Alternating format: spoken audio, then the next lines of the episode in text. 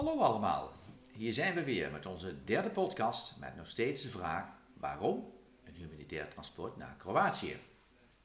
In gemeente Gora, vandaag, hebben we een kerk bezocht met grote muren eromheen met op de hoeken uitkijktorens uit de 12e eeuw, die door de kruisridders gesticht is.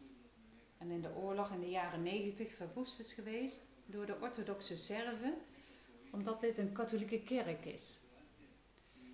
Destijds is het weer opgebouwd en met de aardbeving nu weer beschadigd.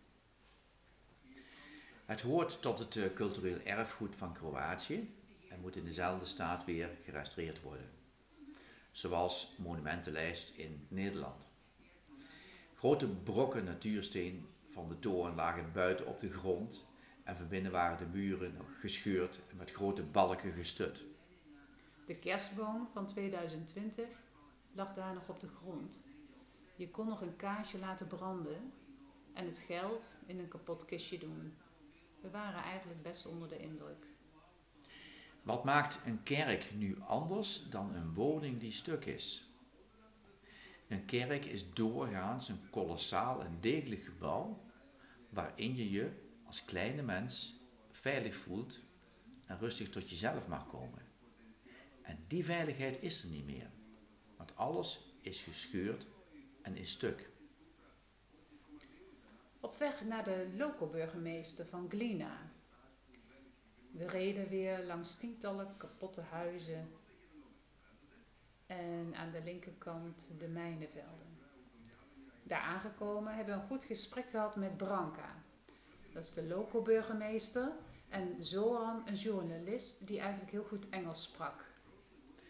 Branka is tevens de voorzitter van de stichting Mensen voor Mensen en werkt veel samen met Dobro Dobrim. Allen zijn vrijwilligers en geven hulp aan degenen die het nodig hebben, ongeacht de afkomst of religie. Beide zijn eigenlijk ontstaan omdat de staat weinig doet voor deze mensen die in dit gebied getroffen zijn. Schrijnend was het om het verhaal te horen dat de premier van het land op bezoek kwam tijdens de uh, aardbeving, waarvan Branka niet op de hoogte was. Dit heeft zij moeten horen van Zoran, deze journalist. Op dat moment is Branka snel ter plaatse gekomen en toen de premier aan de burgemeester vroeg of alles onder controle was, vertelde hij dat er geen, geen problemen waren.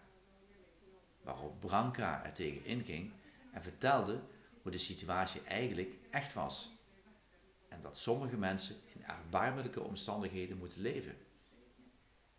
De premier beloofde beterschap en hulp, wat tot nu toe, eind mei 2021, nog niet gekomen is.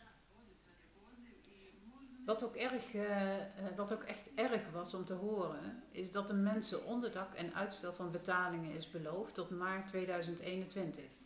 Dat is dus nu voorbij. Velen hebben hun huis nog niet kunnen herbouwen, omdat door de bureaucratie hier het erg lang duurt om een vergunning te krijgen. En daarbij kost het heel veel geld om deze vergunning aan te vragen. Ook zegt de staat: oké, je hebt een caravan, een container of een camper gekregen. Dus je hebt onderdak en je moet zelf voorzienend zijn. We hebben in die, in die dagen, in deze dagen, hebben we vele containers en caravans gezien waar die gezinnen al maandenlang in moeten leven. Wanneer je daar binnen bent, zie je die krappe ruimte, opgestapelde matrassen, hopen kleding in een hoek, bij gebrek aan kasten, en ruik je de warme, muffe geur van kleding die gedroogd moeten worden. En ondanks dat zijn de mensen vriendelijk en gastvrij. En zie je toch dat ene bloemetje buiten hangen om er toch nog iets van te maken. Verzekeringen betalen vaak niet uit, omdat ze in de kleine letters hebben geschreven dat ze pas uit gaan betalen bij een aardbeving van 7,4 of meer op de schaal van Richter.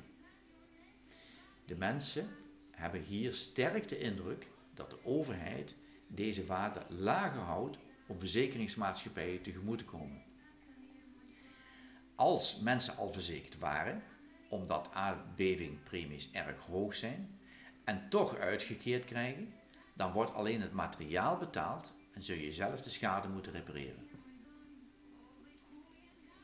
Ja, en toen zijn we verder gegaan. We zijn weer verder gegaan en aangekomen bij een huisartsenpost, zoals we uh, de vorige keer ook vertelden. En uh, daar zaten twee verpleegkundigen, Raphaël en Simone, voor hun container. En dat heeft nu dan de functie als eerste hulppost.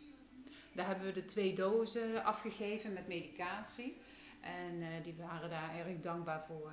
Leuk was ook eigenlijk uh, om te zien hoe we verwelkomd werden met brood en worst en zelfgestookte raki. Raki, dat was in dit geval was dat pruimenjenever, zoals we hoorden. En natuurlijk heb ik hier uh, wel, wel, wel van geleerd. Bij stress is een borrel nooit verkeerd natuurlijk. Maar goed, wij in Nederland douwen er gewoon een pammetje in. Ook goed, toch? Hè? Misschien toch? wel, maar ik vond het nog niet zo verkeerd eigenlijk. Dat was wel erg leuk. Ja. Als je dan verder rijdt, toen eh, kwamen wij eh, en zijn we ook gestopt bij een geïmmigreerde Duitse boer. Zijn vrouw vertelde dat zij in die middag in de keuken aan het koken was. Opeens voelde ze een enorme beving en viel het servies uit de kast. Ze had blijkbaar het besef om het gas uit te draaien en holde naar buiten. Maar dat ging niet, want de regen van dakpannen kletterde op de grond. Na de eerste beving durfden ze niet meer naar binnen en hebben ze enkele nachten in een auto geslapen. Hun woning, een degelijk huis, is op de eerste verdieping volledig ontzet. Daarom leven ze nu alleen nog op de begane grond. Tja, en dat was deze dag, hè? Ja. Het was weer een volle dag. En de vraag die staat dus nog steeds open. Hè? Waarom een humanitair transport naar Kroatië? En daar komen we de volgende keer op terug. Nou, tot de volgende keer. Dag.